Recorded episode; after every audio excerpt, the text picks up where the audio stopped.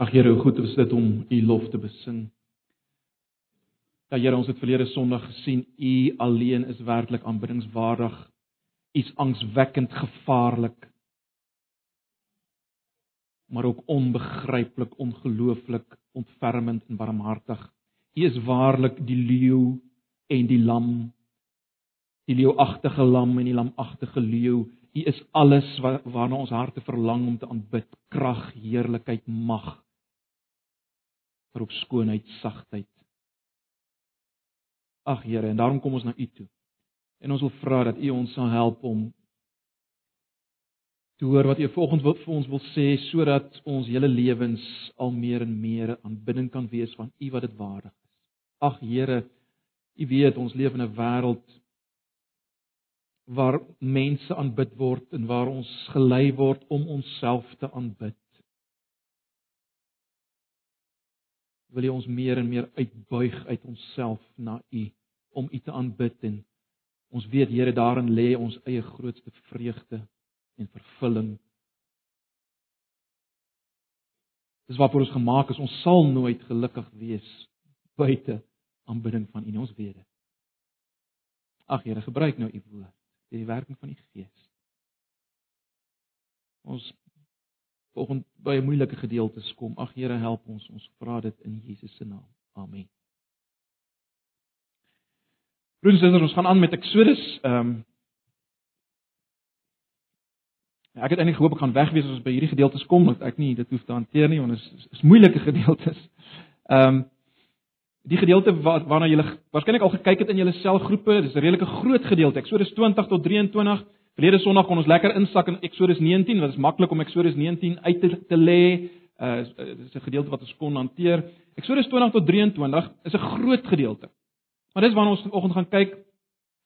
Ehm um, waarskynlik kan mense nie regtig laat regte aangeskied in een boodskap nie, maar kom ons bly by ons ehm um, gedeeltes soos dit vir ons uitgesit is vir hierdie vir vir die hantering van Exodus ook in ons selgroepe. So ek wil nie buite dit nou beweeg nie, maar ons kan altyd weer terugkom na sekere sake. Ehm uh, wat ek kan nie vanoggend alles sê nie. Daar's so baie om te sê. Maar ek vertrou die Here gaan ons hiermee help. So maak maar oop by Exodus 20. Ons gaan nie nou dadelik lees nie, maar ek ek, ek gaan julle saam met my deurvat. So so maak julle Bybels oop by Exodus 20. Nou, broers en susters, ek dink ons almal ken die ken die uitdrukking jy moet die Here of jy moet Jesus aanneem as jou persoonlike saligmaker en verlosser. Ons ken die uitdrukking. Nou, daar's niks verkeerd met die uitdrukking nie, maar dit kom natuurlik nêrens in die Bybel voor nie. Maar maar maar is niks verkeerd met die uitdrukking nie. Natuurlik is dit so dat jy kan nie gered word op grond van jou ouers se geloof nie of iemand anders se geloof nie. Jy moet persoonlik tot geloof kom. Dis waar. Dis waar. Uh al kry ons nie die die uitdrukking as, as sulks in die Bybel nie, dis waar. Maar ek dink tog die gevaar is dat baie van ons is geneig om oor ons hele Christelike lewe bloot in persoonlike terme te dink.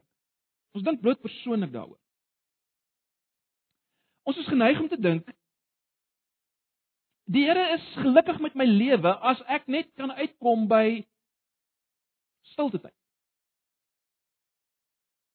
As ek persoonlik kan besig wees met Bybellees en gebed, as ek my tyd daaraan spandeer, uh dan is die Here gelukkig met my. Die Here voel goed oor my as ek dit gedoen het.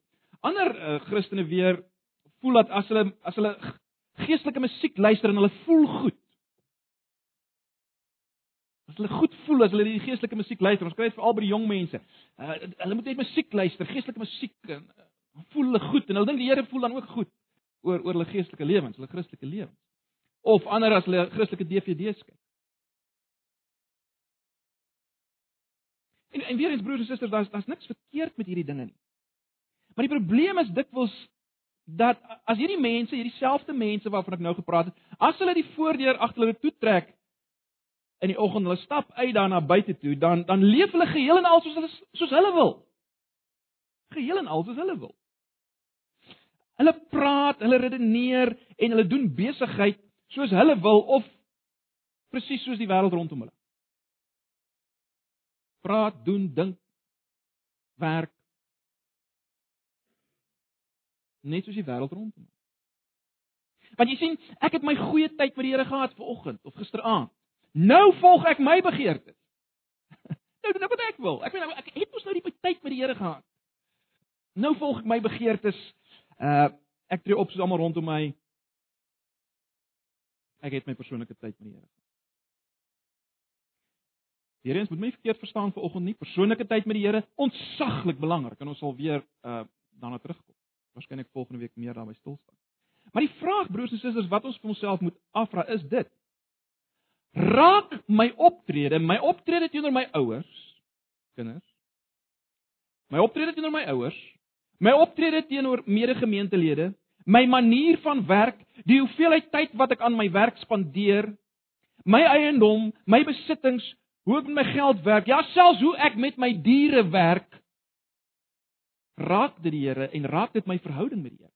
Dis dis is 'n vraag wat ek wil hê ons moet vanoggend in ons agterkoppe hê. Wat behels die lewe wat God van my verlang? Wat behels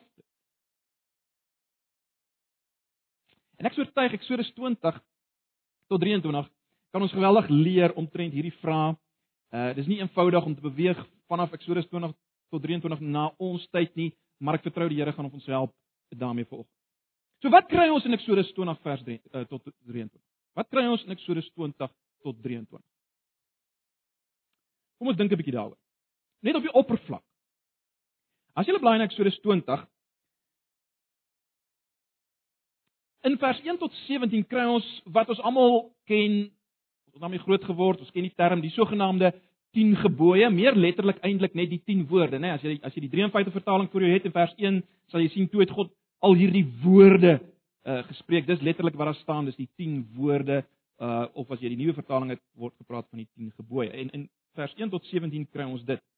Uh net baie vinnig in vers 18 tot 21 sien ons weer iets van die ontzagwekkendheid en die gewigtigheid van die God wat met hulle praat, waarna ons gekyk het verlede Sondag. Kom ons kyk dit vinnig van vers 18 tot 21. En toe die hele volk die donderslaan, die blitse en die geluid van die bassein en die rokende berg bemerk, het die volk dit gesien, gebewe en op 'n afstand bly staan en hulle vir Moses gesê: "Spreek U met ons dat ons kan luister, maar laat God nie met ons spreek nie, anders sterwe ons." Toe antwoord Moses die volk: "Wees nie bevrees nie, want God het gekom om julle te beproef en dat sy vrees vir julle oë mag wees sodat julle nie sondig nie." So die hele volk dan op 'n afstand bly staan, maar Moses het nader gegaan na die wolke donderheid uh, uh donkerheid, ekskuus, waar God was. Uh ons sien net iets weer van die ontzagwekkendheid van van God, né? Nee.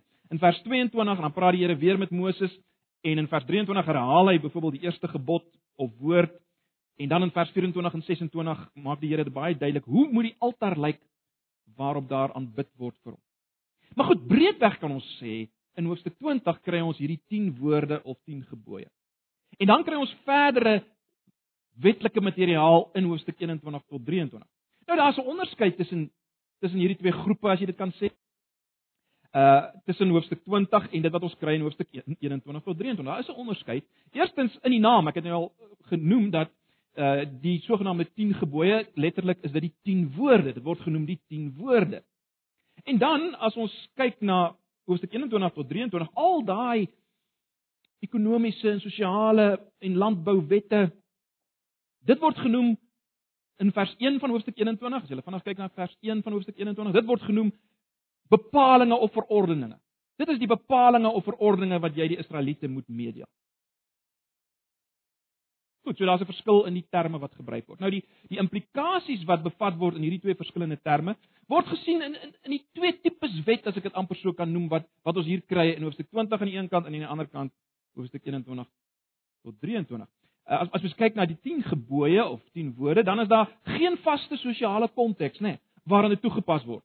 Daar's ook nie sal julle opgemerk het al, daar's geen strawwe wat gesuggereer word, geen boetes wat afgedwing word as dit kom by die 10 woorde nie. Maar as ons kom by die materiaal in hoofstuk 21 tot 23, dan is daar duidelike boetes en strawwe vir die oortreders. Baie duidelik is hierdie wette in hoofstuk 21 tot 23 is kontekstueel as jy wil, kontekstueel gekleer, né, nee, om die behoeftes van hierdie nuwe gemeenskap om daarbey te pas. Dit dit lyk vir ons of Eksodus 21 tot 23 amper kom ons noem dit 'n 'n kontekstuele uitleg is wat gebaseer is op hierdie algemene gebooie wat ons kry in die sogenaamde 10 woorde in Eksodus 20, né? Nee. Uh, dit is dit is interessant om te sien verdere wette herhaal van hierdie 10 gebooie en brei daarop uit en dan word ook natuurlik nuwe dinge aangehaal. Uh, Byvoorbeeld as ons net dink aan die 6ste gebod, die 6ste gebod word weer in Eksodus 21 vers 12 tot 21 word dit uitgebrei. Geweldig uitgebrei en daar word strawwe voorgeskryf en so aan. Maar maar dit is nie so duidelik met al die 10 gebooie of 10 woorde dat dit so duidelik spesifiek weer uitgebrei word nie, maar daar da is iets daarvan, né? Van dit word uitgebrei. Wat wel duidelik is broers en susters dat dat 'n verskeidenheid van onderwerpe hanteer word in hoofstuk 21 tot 23, né? Nee, dis baie duidelik. 'n Aanbidding, slawerny, ontvoering, aanvalle, seksuele oortredings, ekonomiese aktiwiteite, godsdienstige feeste en ja selfs die versorging van diere. Dit alles word aangespreek in Hoofstuk 21 tot 23. Maar goed, ek dink julle sal saamstem, dit lyk asof die 10 gebooie 'n soort opsomming is van alles. En en en juist daarom eh, het baie mense deur die jare gedink of dink nou nog so dat die 10 gebooie is presies nog net so op ons van toepassing, maar die ander is eintlik soort van verval. 10 gebooie, dis net so vir ons nog. Maar die res, hoofstuk 21 tot 23 wel, dit was tydgebonde en dis dis dis nie meer vir ons.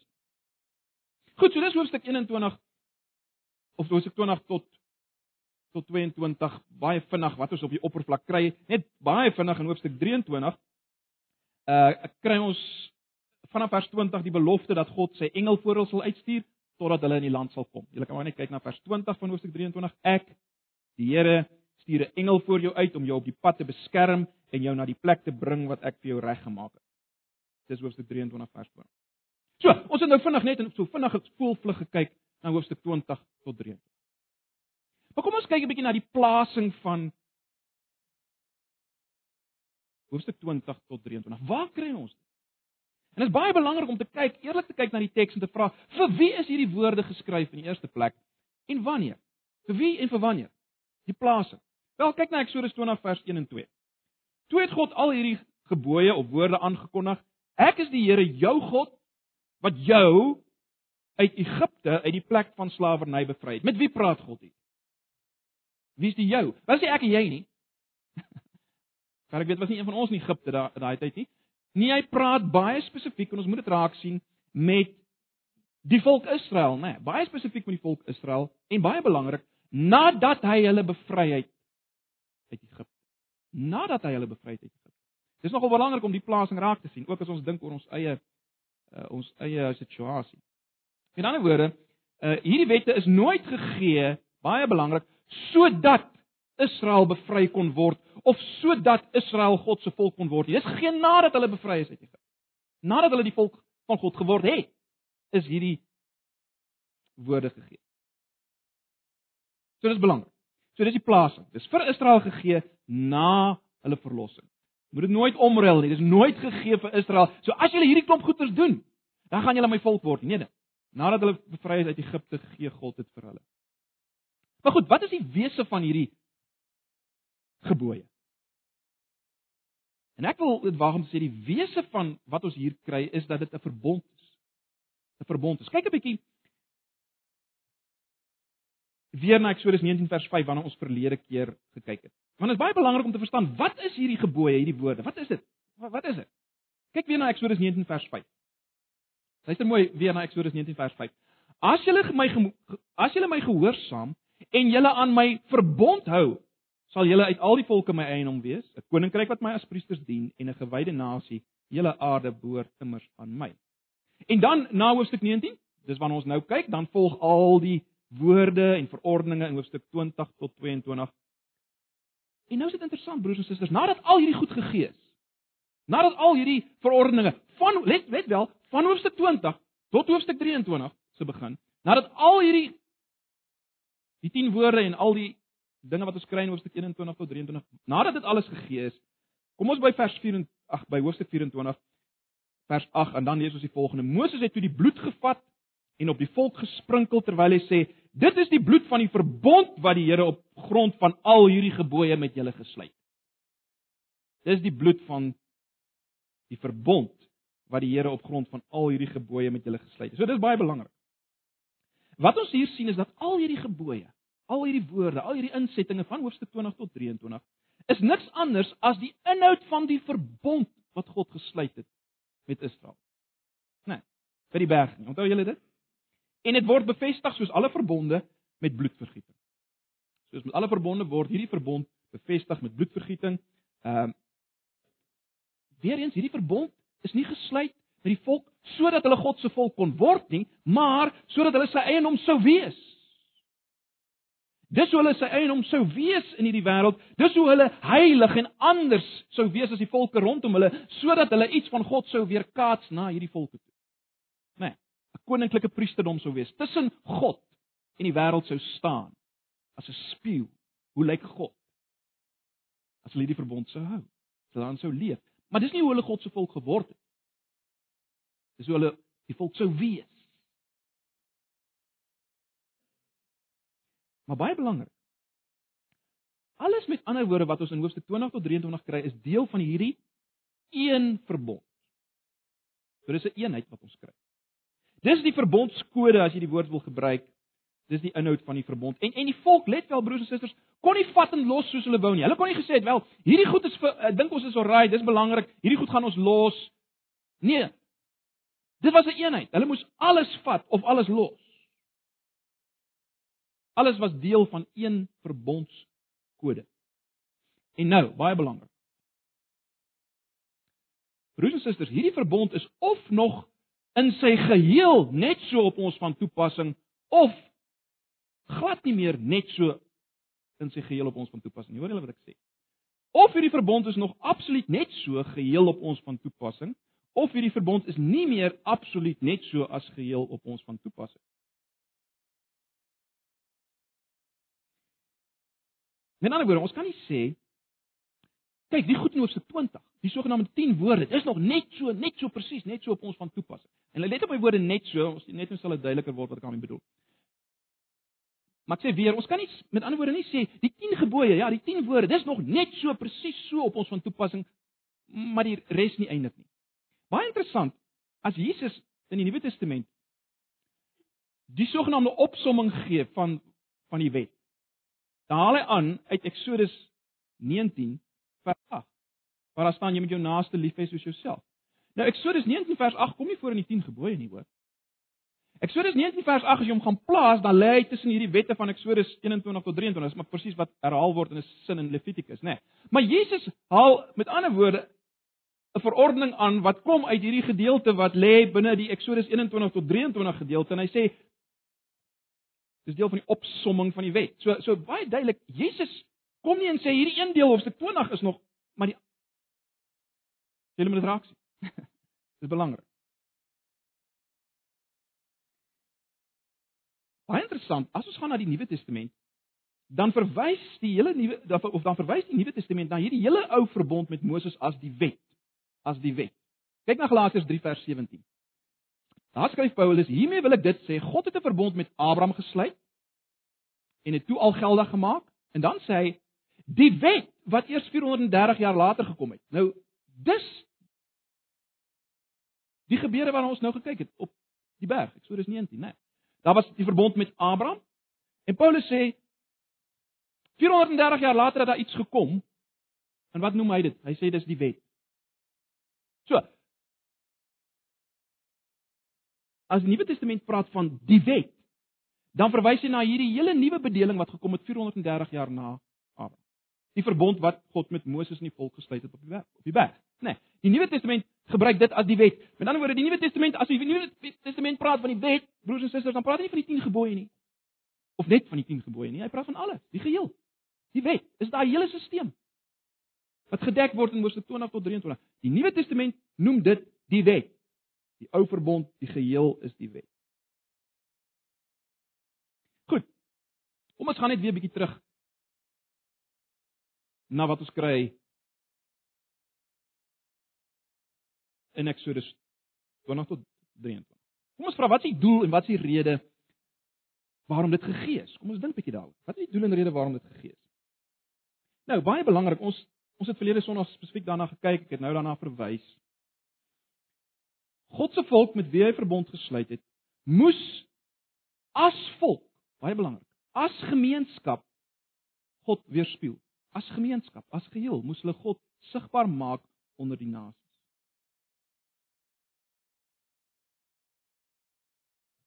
Nou, julle kan vir julleself dink, baie belangrik.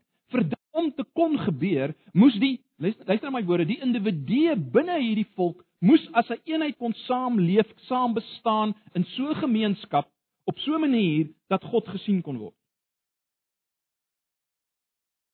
En nou, baie belangrik, hierdie individue het begeertes gehad, né? Nee, net soos ons begeertes het. Ek meen elke persoon se begeertes, weet julle, bestaan op 'n spektrum vanaf uh, wat ons kan noem onskuldige behoeftes wat elke geskape skepsel het tot oordadige vals verbeelde sondige begeertes wat tot vreeslike uiterstes kan lei. Nou, as jy wil dink daaroor, as jy wil harmonie hê, sosiale harmonie wil hê in 'n in 'n groep mense in 'n volk, dan moet die die regte begeertes aan die een kant gehelp word, reg bestuur word en en en die slegte verkeerde begeertes dit moet teengestaan word, né? Nee, teengewerk word. En broers en susters, ek wil dit waag om te sê dis presies wat ons kry in die eerste plek in die sogenaamde 10 woorde of 10 gebooie. Kom ons dink 'n bietjie daaroor. Die eerste 4 gebooie of woorde openbaar God as die as die regte of die enigste voorwerp van aanbidding. Hy alleen is aanbiddingswaardig, né? Nee, ons het dit verlede keer gesien. Aan die een kant sy sy angswekkende krag en mag en aan die ander kant sy wonderlike ontferming. Hy alleen is aanbiddingswaardig. Hy aan, alleen is die enigste voorwerp waarop jou begeertes gerig moet wees. Maar as ons nou verder gaan, dan sien ons dat 3 van die 4 gebooie, 3 van hierdie eerste 4 gebooie beheer as te ware of of of uh, begelei die manier waarop hulle aanbid. Dit lyk met ander woorde asof asof hierdie begeertes nie net aan die een kant gekanaliseer moet word na na die aanbidding van God alleen nie, maar maar hierdie begeertes moet ook weggelei word. Dit moet weggelei word van die aanhang van valse voorwerpe van aanbidding.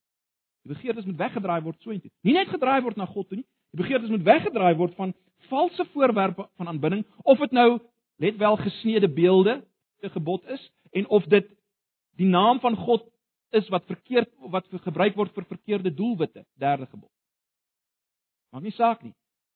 Die begeertes moet weggedraai word of dit nou gesneede beelde is of die naam van God wat verkeerde doel vir, uh, vir verkeerde doelwitte gebruik word. En hierdie begeertes moet weggelei word van 'n gepreokkupeerde obsessie met werk wat geen ruimte laat vir die uitdrukking van van 'n gevoel vir God nie, die vierde gebod. So dis dis wat ons kry in die eerste vier gebooie. Nou na hierdie aanbidding van God na dit in die regte plek is, die begeertes daar gekanaliseer is, dan dan kom ons by vyf ander praktyke, né? Nee. Eerstens kry ons in die vyfde gebod die die die die eer van ouers waar ouers onder God geplaas word as nog 'n regte fokus vir jou gevoelens en jou begeertes. Jou ouers. En en dan kry ons die die gebooie wat daarop volg, die vier wat daarop volg, dis alles areas waar waar waar waar dis baie duidelik waar waar verkeerde begeertes opgewek kan word en kan lei tot chaos binne 'n gemeenskap. En daarom is daar verwysing na doodslaan in die 6ste gebod, egbreek in die 7de gebod, steel in die 8ste gebod en valse getuienis in die 9de gebod. Alles gebiede waar slegte begeertes kan lei tot chaos. Nou, ek weet sommige van julle dink nou, Jakobus, wag, wag.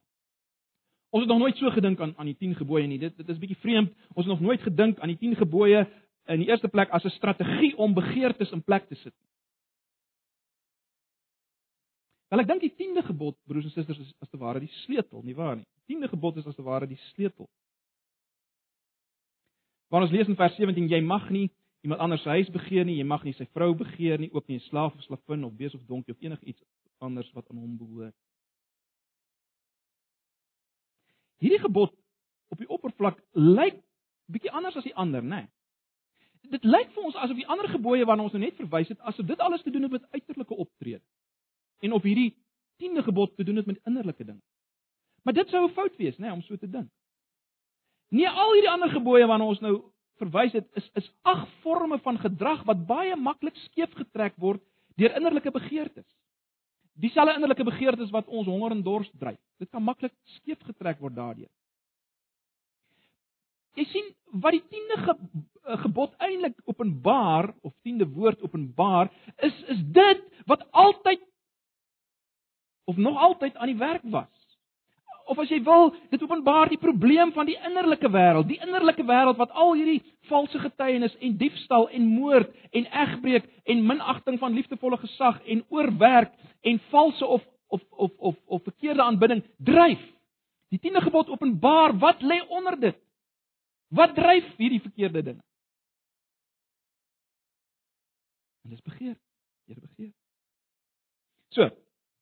Die 10 gebooie is eintlik as jy wil 'n werkbare opsomming van wat hierdie mense regtig nodig het teenoor wat hulle gedink het hulle het nodig. Dis nie totaal omvattend nie, maar maar is genoeg om die begeertes binne Israel se gemeenskap te hanteer, né? Nee.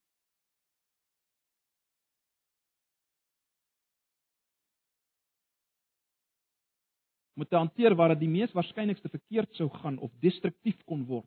Dis dis waarvoor dit gegee is. Nou, is interessant. In die Nuwe Testament as Paulus praat oor die wet, dan lig hy hierdie een ding van begeerte uit as as as in sekere sin as die kern van alles, né? Nee. Kyk na Romeine 7 vers 7, net baie vinnig. Paulus sê ek sou nie geweet het wat sonde is nie as dit nie deur die wet was nie. Ek sou byvoorbeeld nie geweet het dat dit sonde is om te begeer as die wet nie gesê het jy mag nie begeer nie. Nou die byvoorbeeld uh sit ek in hakies want dis die nuwe vertaling het dit bygevoeg. Dis nie wat in die oorspronklik staan nie. Letterlik staan daar net sê Paulus, ek sou ook die begeerlikheid nie geken het nie as die wet nie gesê het jy mag nie begeer nie. So as Paulus terugkyk na die wet, dan is dit vir hom die groot ding. Die wet het gesê jy mag nie begeer nie. So dit bevestig vir ons dis wat onderliggend lê. Ag, ons kan natuurlik na alles anders kyk en ons kan sê dat wat ons kry in die 10 woorde het te maak met die begeerte of liefde vir God en die regte begeerte of liefde teenoor mense. Dis waaroor dit gaan, né? Nee. Broers en susters, wat ons moet raak sien natuurlik ook is dat dit alles was goeie nuus geweest, né? Nee. Was nie slegte nuus. Dit was nie om hierdie ouens te beperk en te bekamp nie. Dis goeie nuus sodat hulle kan wees dit wat God wou gehad het hulle moet wees onder die nasies. Ag, ons kan nog baie hieroor praat, maar belangrik wat ons ook moet raak sien is dat die geheel en dis belangrik, die geheel van hulle lewe moes kom onder God se regering. Alles.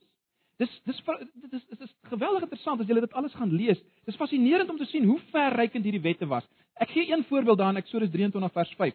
As jy jou vyand se esel onder sy pak sien lê, moet jy dit nie onverskillig aan hom oorlaat nie. Jy moet dit sekerlik saam met hom aflaai. sien jy hoe verrykend was hierdie dinge? Alles is geraak.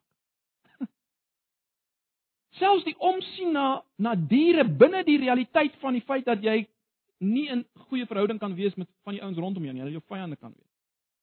Binne dit.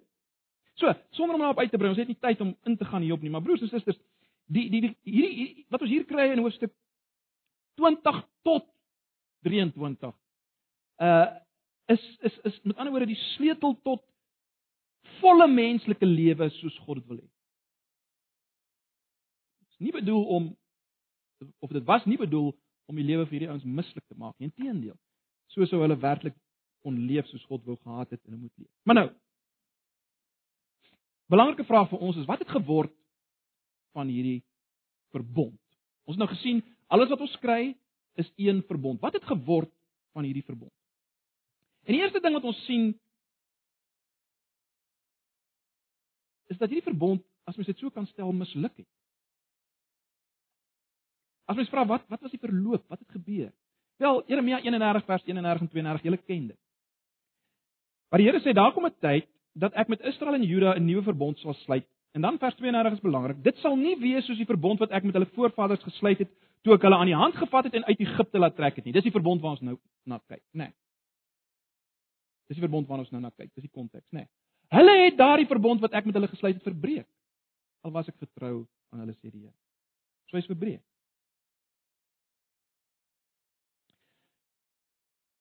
gaan nie uitbrei op nie, ons het nie tyd nie. Paulus verwys ook na hierdie mislukking van die wet in Romeine 7. In Romeine 7. Uh vers 19. Voorheen toe die wet nie daar was nie, het ek gelewe, maar toe die gebod gekom het, het die sonde begin lewe. Romeine 7 vers 10 en ek het gesterwe. Dit het gebleik dat die gebod wat bedoel was om vir my die lewe te bring, vir my die dood beteken. So aan daarop uit te brei, ons is nie nou besig met Romeine nie. Uh maar dit lyk my die gebod het nie gedoen wat dit veronderstel was om te doen. Dit kon nie dit doen nie. So daar was 'n mislukking. Uh, kom ons hou dit net daar. Die tweede ding wat ons moet raak sien, dit, dit was tydelik. Dit was tydelik. Dit is vir tydelik bedoel. Galasiërs 3 vers 19 is 'n baie belangrike vers. Wat Paulus sê, watter doel dien die wet dan? Onthou hy het nou net gesê dat die wet verwys na hierdie hele alles wat gekom het 430 jaar na Abraham. Wat was die doel? Dan sê Paulus, dit is later bygevoeg as gevolg van die sonde en is bedoel vir die tyd totdat die nakomeling op wie die belofte betrekking het sou kom. En dit is deur engele beskik deur die tussenkoms van 'n middelaar, is natuurlik Moses. Maar baie belangrik, dis bedoel vir die tyd totdat die nakomeling op wie die belofte betrekking het sou kom. Wie's dit? Dis Jesus, né? Nee. So Paulus sê, die wet was tydelik. Dit was bedoel vir die tyd totdat die nakomeling sou nakomeling sou kom van die belofte en dis natuurlik belofte aan Abraham. Die saad. So dit was tydelik. 'n Volgende ding wat ons moet raak sien rondom hierdie hele verbond die geheel wat ons kry is dat daar 'n belofte was. Was Daar was nie net 'n mislukking nie, dit was nie net tydelik nie, daar was 'n belofte en dit bring ons terug by Jeremia 31. Dis die verbond wat ek in die toekoms met Israel sal sluit, sê die Here. Ek sal my woord op hulle harte skryf en dit in hulle gedagtes vas lê. Ek sal hulle God wees en hulle sal my volk wees. 'n Man sal nie meer vir sy buurman of sy broer voorhou jy moet die Here dien nie, want almal binne hierdie nuwe verbond sal my dien, klein en groot, sê die Here. Ek sal hulle oortredings vergewe en nie meer aan hulle sondes dink nie. Dit was iets radikaals geweest. Jesegiel 36 Ek sal julle 'n nuwe hart en 'n nuwe gees gee, dis wat beloof word sal julle 'n nuwe hart en 'n nuwe gees gee. Ek sal die klip hart uit julle liggaam uithaal en julle hart van vleis gee. Hart met nuwe begeertes. En dan in vers 27, ek sal my gees in julle gee en ek sal maak dat julle volgens my voorskrifte leef en my bepalinge gehoorsaam en nakom. So jy sien, daar's nie net 'n mislukking nie. Daar was nie net die aanleiding dat dit tydelik was, vir 'n tyd bedoel was nie, maar baie belangrik, daar was die belofte dat daar iets meer gaan kom. 'n Nuwe verbond. Waar die Gees 'n groot rol gaan speel in die uitleef van God se voorskrif. En dit bring ons by Jesus en hierdie hele ou verbond of wet. Net baie vinnig in Galasiërs 4 vers 4, ons ken dit, lees ons maar toe die tyd wat God daarvoor bepaal het aangebreek het, het hy sy seun gestuur. Hy's uit 'n vrou gebore en van sy geboorte af was hy aan die wet onderworpe. Maar hoekom? Vers 5. Om ons wat aan die wet onderworpe was, los te koop sodat ons as kinders van God aangeneem kan word. So, wat hierdie vers maar net sê, Jesus is gebore as iemand wat gestaan het onder hierdie hele ou verbond. En broers en susters, hy het dit volkome gehou. Elke deeltjie daar. Hy het God volkome aanbid. En hy het die mense rondom liefgehad. Sy begeertes was vir God en sy begeertes was vir die beswil van die mense rondom hom. Hy was gehoorsaam aan sy ouers, dit is fascinerend om dit te sien. Hy was gehoorsaam aan sy ouers. Hy lieg nie, hy steel nie, hy pleeg nie egbreek nie. Broers en susters, daar was nie een ding waarvoor hy een oomblik hoef skaam te gewees het nie. Hy sou nie een oomblik hoef te gebloos het oor een ding, een ding. Wat hy nie volkome volgens God se wil. Dis Jesus. Hy het selfs iets soos die Sabbat tot sy volle betekenis gebring as hy mense genees en die heelheid waarvoor die Sabbat staan inbring ensovoorts. Ek wil nie daarop uitbrei nie. Maar maar volkome. Ons moet dit verstaan. Maar wat gebeur dan met hom? Dan gebeur die geweldige. Dan gebeur die geweldige wat ons lees in Galasiërs 3 vers 13. Hy sterf. Hy wat so volkome geleef het, sterf onder God se oordeel vir verbreeking van daardie verbond. Verbond. Galasiërs 3 vers 13. Christus het ons losgekoop van die vloek wat die wet meebring. Hoekom bring die wet 'n vloek mee? Want as jy dit nie hou nie, is veral duidelik ook in in, in Deuteronomium, dan dan dan staan jy onder die vloek van verbreeking van daardie verbond. En Christus sê Paulus het ons losgekoop van die vloek wat die wet meebring deur in ons plekke vervloekte te word. Daar staan immers geskrywe vervloek is elkeen wat aan 'n hout opgehang is. Dis wat Jesus gedoen het. En daarom kan Paulus sê oor sy eie lewe in in vers 19 van Galasiërs 2 want deur die wet is ek vir die wet dood om vir God te lewe. Wat bedoel hy as hy sê ek is deur die wet dood? Wel, dit wat ons nou net gesien het, die wet het bepaal Die wet het bepaal dat die een wat nie die wet hou nie, moet sterf en dis wat Jesus gedoen het. En dis wat Jesus vir Paulus gedoen het. En daarom kan Paulus sê deur die wet is ek vir die wet dood. Ek het niks met te maak met hierdie ou verbondstelsel. Ek is klaar daarmee. Ek kan nou vir God lewe. Soos ons vra wat bereik die dood van Jesus wel Galasiërs 3 vers 14. Daardeur kan ook hulle wat nie Jode is nie deur Christus Jesus deel kry aan die seën wat God aan Abraham toegesê het. God het beloftes aan Abraham toegesê Hoe kan mens deel kry daaraan? Deur dit wat Jesus gedoen het in ons plek. Hy het die verbond in ons plek nagekom, geleef daarvolgens. Dis die enigste manier hoe ons die seën kan kry wat hy beloof het. En nou kom Galasiërs 3 vers 14 en hy maak baie duidelik wat is hierdie seën? Wat behels dit? Dit behels die Heilige Gees. Ons kan dit kry deur die werk van Jesus.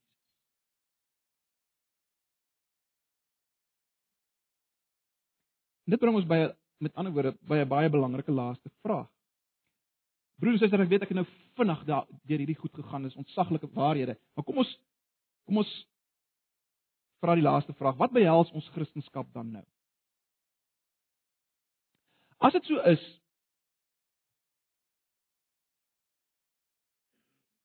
dat die die hele ou stelsel verby is daar 'n nuwe een gekom het, dit is wat ons nou raak gesien het, 'n nuwe verbond. Kan ons dan nou maar tog uiteindelik leef soos ons wil? Dit waarna ons aan die begin gekyk het. Is dit dan so dat ons maar kan leef soos ons wil? Is ons Christendom dan nie nou maar net 'n private saak waar dit gaan oor hoeveel tyd ek spandeer in my binnekamer, hoeveel ek lees en bid en die dinge? Is dit tog nie maar alwaar God nou belangstel? Maar kom ons dink daaroor. Ons het net mekaar gesê ons is nie Israel nie, nê. Nee. Ons is nie verlos uit Egipte nie, verseker nie. Uh die verlossing uit Egipte was was die historiese verwysingspunt vir Israel, nê. Nee. Veral as mens later kom met Deuteronomium, dan sien mens heeltyd verwys die Here terug en hy sê dit was julle gewees in Egipte, julle was slawe, julle is verlos en daarom moet julle so en so lewe. Dit is baie duidelik. Dit was hulle dit was hulle motiveringspunt, hulle is verlos uit Egipte uit. En dis wat hulle gedryf het om nie te lewe. Maar wat van ons?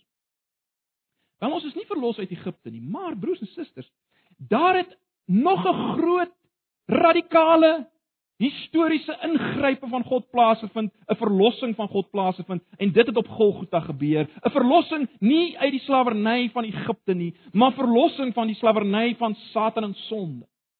Nie van Farao in Egipte. Ons het ons het daarna verwys al, né? Nee. Dis wat ons deel het as jy ver oggend hier sit as 'n kind van die Here. Dis 'n werklikheid en ek het julle probeer wys. Dis net so 'n realistiese werklikheid soos die ouens wat uit die Rooi See verlos is en en met ons doop moet ons dit as 'n ware aan ons lywe voel. Onthou julle ons daarna gekyk. So ons het 'n nuwe historiese ver, verwysingspunt en ons staan in 'n nuwe verbondsverhouding met God. Ek het nie weer 1 Petrus 2 vers 9 daar uitgeskryf nie, maar julle ken dit in hierdie tyd waar waar Petrus vir vir, vir die gemeente waarna hy skryf sê: "Julle gemeente is 'n uitverkore volk, 'n koninklike priesterdom om te verkondig die dade van hom wat julle verlos het vanaf die duisternis na die lig." Hy haal presies Eksodus 19 vers 5. En hy sê dis nou waarvan julle, julle is nou 'n nuwe volk, net soos Israel was. En ons is 'n volk wat in 'n nuwe verbondsverhouding met die Here staan. Maar ons het nou gesien daardie verbond het 'n wet gehad. Daardie verbond het inhoud gehad, dinge waarvolgens hulle moes lewe. Wel ons verbond het ook 'n wet. 'n Nuwe wet. En dit word so beskryf in Galasiërs 6 vers 2. Dra mekaar se laste en vervul so die wet van Christus. Nou ek weet hierdie term wet van Christus word net twee keer gebruik in die Nuwe Testament, maar die bedoeling is oral. Die bedoeling is oral dat ons nie meer staan onder die wet van Moses nie, maar die wet van Christus. Ek vergelyk dit altyd met 'n nuwe gebou wat gebou word uit die brokstukke van 'n ou gebou. As jy kom ons sê jy bou 'n nuwe huis, maar jy bou dit uit die stukke van 'n ou huis wat daar lê. Jy gebruik nog hier 'n baksteen en hier 'n ou vensterraam en jy bou die nuwe gebou. Dis 'n nuwe gebou. Maar jy het van die ou stukke gebruik. Wat probeer ek sê? Die verbond waaronder ek en jy staan is 'n nuwe verbond. Maar die ou stukke van die ou verbond is gebruik. Met ander woorde, ja, Jy moet nog steeds jou ouers gehoorsaam. Jy mag nog steeds nie egbreek pleeg nie. Uit die aard van die saak nie. Maar dis 'n nuwe gebou. En luister mooi. Wat God van my en jou verwag is nie minder en jy moet dit mooi hoor vanoggend. Wat God van my en jou verwag is nie minder as wat hy verwag het van die volk nie, is baie meer. En dis waar ons dit dikwels mis. Ons dink omdat ons staan onder 'n nuwe bedeling. Is dit minder? Ja broers en susters, dit is wel so dat ek en jy nie meer die straf hoef te dra vir verbreeking nie. Jesus het dit gedra. Maar God stel nie minder belang in hoe ons lewe nie. God stel nie minder belang in ons begeertes nie. God stel nie minder belang daarin. Ons ken almal Matteus 5 vanaf vers 17 waar Jesus sê: Moenie dink dat ek gekom het om die wet of die profete te ontbind nie, Ek het nie gekom om dit te ontbind nie, maar om te vervul. Nou dis belangrik om daarna te kyk. Word baie keer misverstaan. In die eerste plek, Jesus sê nie hy het gekom om dit net so weer in te stel nie.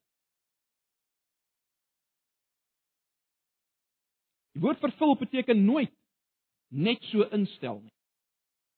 So hy het nie gekom om dit weer te doen nie. Hy het nie gekom om die ou die ou wet net so in te stel nie. Maar hy het ook nie gekom om dit te verbreek nie. Hy het gekom om dit te vervul. Om dit te vul tot volheid tot die werklike betekenis, tot die werklike diepte wat God dit wil hê. En daarom vanaf vers 21 verder uh, in Matteus 5 of eintlik uh, uh, ja, Matteus 5 vanaf vers 21 verder, kry ons Jesus wat heeltyd sê, "Julle het gehoor" en dan haal hy let wel, hy haal uit Eksodus 20 tot 23 aan. Hy sê julle het gehoor Julle mag nie egbreek pleeg nie. Maar ek sê vir julle as jy na 'n vrou kyk en haar begeer, jy reeds met haar in jou hart egbreek. So Jesus maak dit dieper, wyd, meer.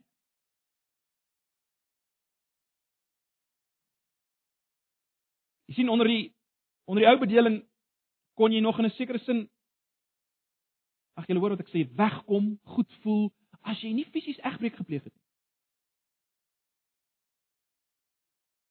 Nie onder die nuwe verbond. Nie onder die nuwe verbond. Gaan baie dieper. Gaan baie dieper. Hy stel belang in jou diepste begeer. Kom ons dink oor dieselfde gebod. Jy mag nie egbreek pleeg. En ons dink aan hoe dit verdiep in die nuwe verbondsbedeling. Dink aan Efesiërs 5 vers 25. Manne, julle moet julle vrouens lief hê soos Christus die gemeente. Nie meer manne, julle moenie egbreek pleeg nie. Nee, manne, Julle moet Christus lief hê so ag julle moet julle vrouens lief hê soos Christus die gemeente. Dis die nuwe verwysingspunt. Dis ons nuwe verwysingspunt. Dis wat Israel nie gehad het nie. Hulle het nie die soos Christus deel gehad nie. En terloops broers en susters, baie duidelik, moet dit ons hele gedrag as te ware bepaal. Dis hoekom ek Johannes 13 vers 34 daar sit. Jesus sê 'n nuwe gebod gee ek julle dat julle mekaar moet lief hê soos ek julle liefgehad het moet julle ook mekaar lief hê. So hy sê daai baie duidelik hy gee 'n nuwe gebod. Nee, hy gee 'n nuwe gebod. Wat interessant, hierdie nuwe gebod is so heeltemal nuut nie. Wat is nuut? Die nuwe deel is soos ek julle liefgehad. Dis die nuwe deel. sien julle? Nuwe gebou uit ou brokstukke, nuwe gebou. Dieper, wyer, breër, meer.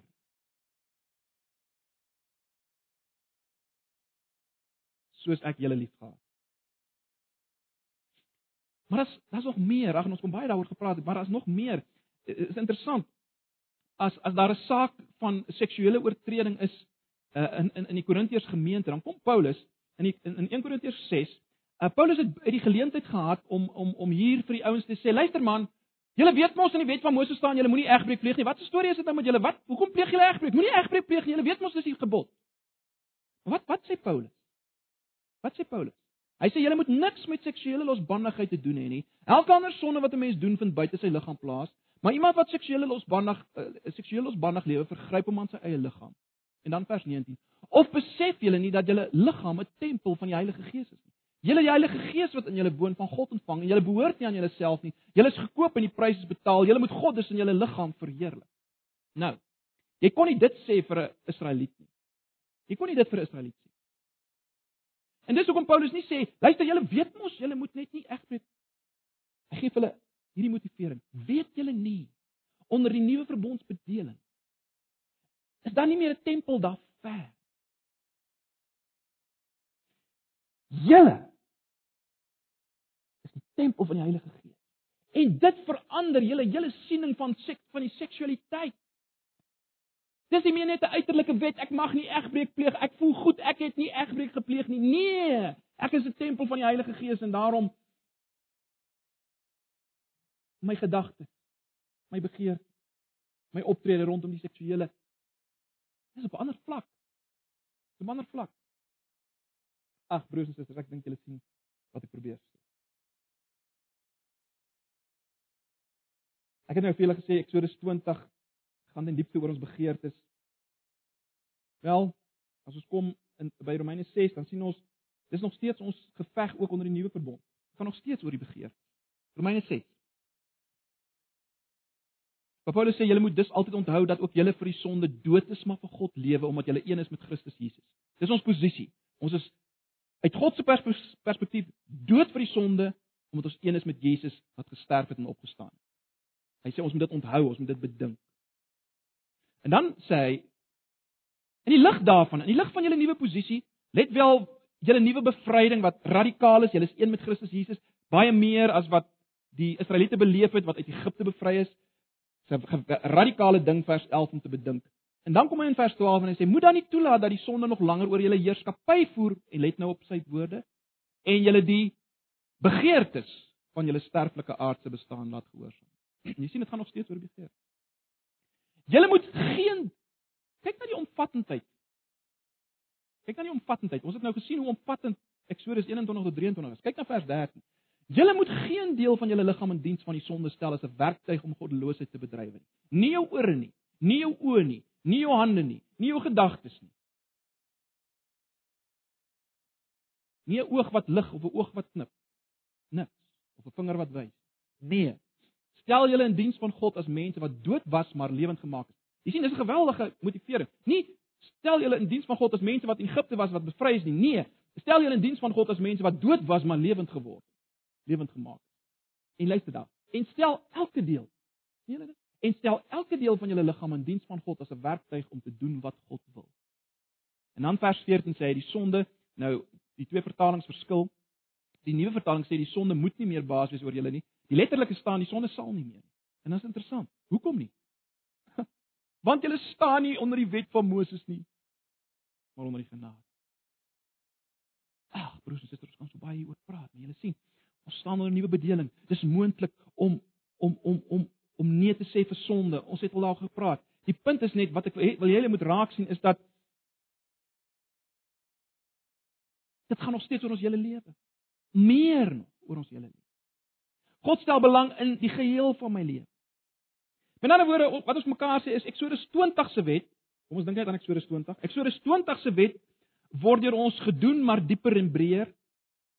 Maar ook al die voorskrifte van hoofstuk 21 tot 23 word op 'n ander manier en baie meer maniere deur ons toegepas soos die Gees ons lei in spesifieke kontekstuele situasies lei die Gees ons nou om baie verder te gaan as Eksodus 21 tot 23.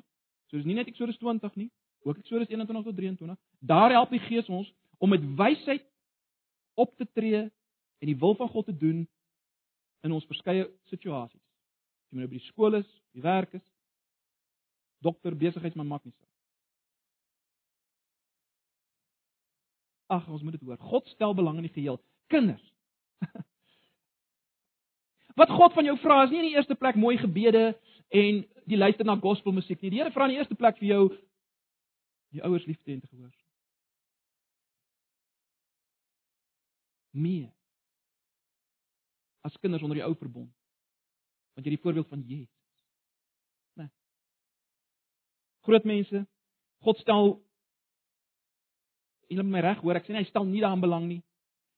Maar hoe jy optree by jou werk teenoor jou werkgewers of jou werknemers en teenoor jou man of jou vrou of jou kinders of jou mede-gemeentelede is vir hom meer belangrik